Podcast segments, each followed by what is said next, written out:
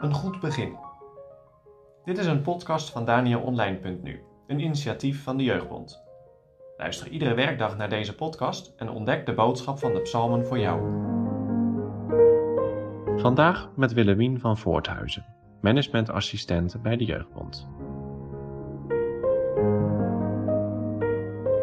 We lezen Psalm 139, vers 1 tot 10. Er is iemand die alles weet. Een psalm van David voor de opperzangmeester. Heere, gij doorgrondt en kent mij. Gij weet mijn zitten en mijn opstaan. Gij verstaat van verre mijn gedachten. Gij omringt mijn gaan en mijn liggen, en gij zijt al mijn wegen gewend. Als er nog geen woord op mijn tong is, zie, Heere, gij weet het alles. Gij bezet mij van achteren en van voren, en gij zet uw hand op mij. De kennis is mij te wonderbaar, zij is hoog, ik kan er niet bij. Waar zou ik heen gaan voor uw geest? En waar zou ik heen vliegen voor uw aangezicht? Zo ik opvoer ten hemel, gij zij daar. Of bedde ik mij in de hel? Zie, gij zij daar. Nam ik de vleugelen van de dageraad? Woonde ik aan het uiterste van de zee? Ook daar zou uw hand mij geleiden en uw rechterhand zou mij houden. Er zijn dingen in mijn leven waar niemand van weet. Dingen die ik niet graag deel, waar ik me voor schaam. Waarvan ik weet dat ze niet goed waren of zijn. Dingen die ik gedaan of gedacht heb. Je herkent het misschien wel. Onze dominee zei eens: Stel dat je hele leven, alles wat er is gebeurd en wat je hebt gedacht, hier achter mij op deze witte muur zou staan. Zou je dan nog in de bank durven blijven zitten? Nou, ik niet. En jij? Toch is er iemand die wel alles weet van ons. Natuurlijk weten we dat. Maar houden we er rekening mee? Beseffen we dit echt? De dichter van deze psalm, David, zegt het in een heel persoonlijk en teer gebed tegen de Heere. Heere, gij doorgrond en kent mij.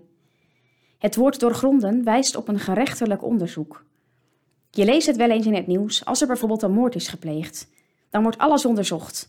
Waar de mogelijke dader woont, waar hij overal is geweest vlak voordat hij de moord pleegde, wat hij voor werk deed, enzovoorts.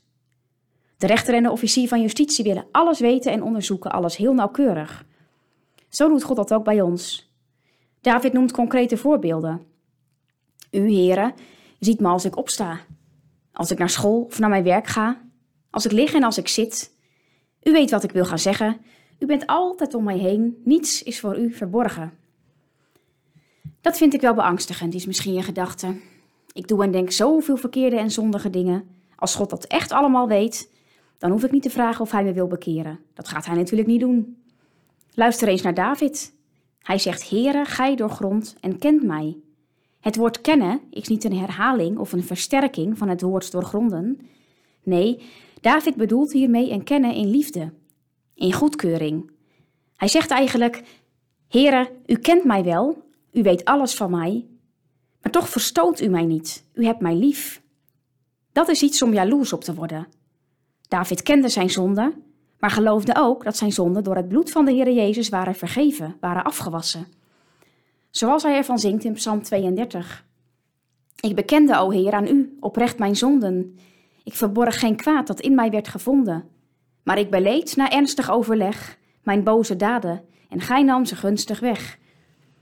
Dat is Gods genade. Ondanks dat hij alles weet, wil hij ons door het offer van zijn zoon Jezus Christus genadig zijn. Maar dan moeten wij wel onze zonde zien en beleiden, ons hele hart voor hem uitstorten.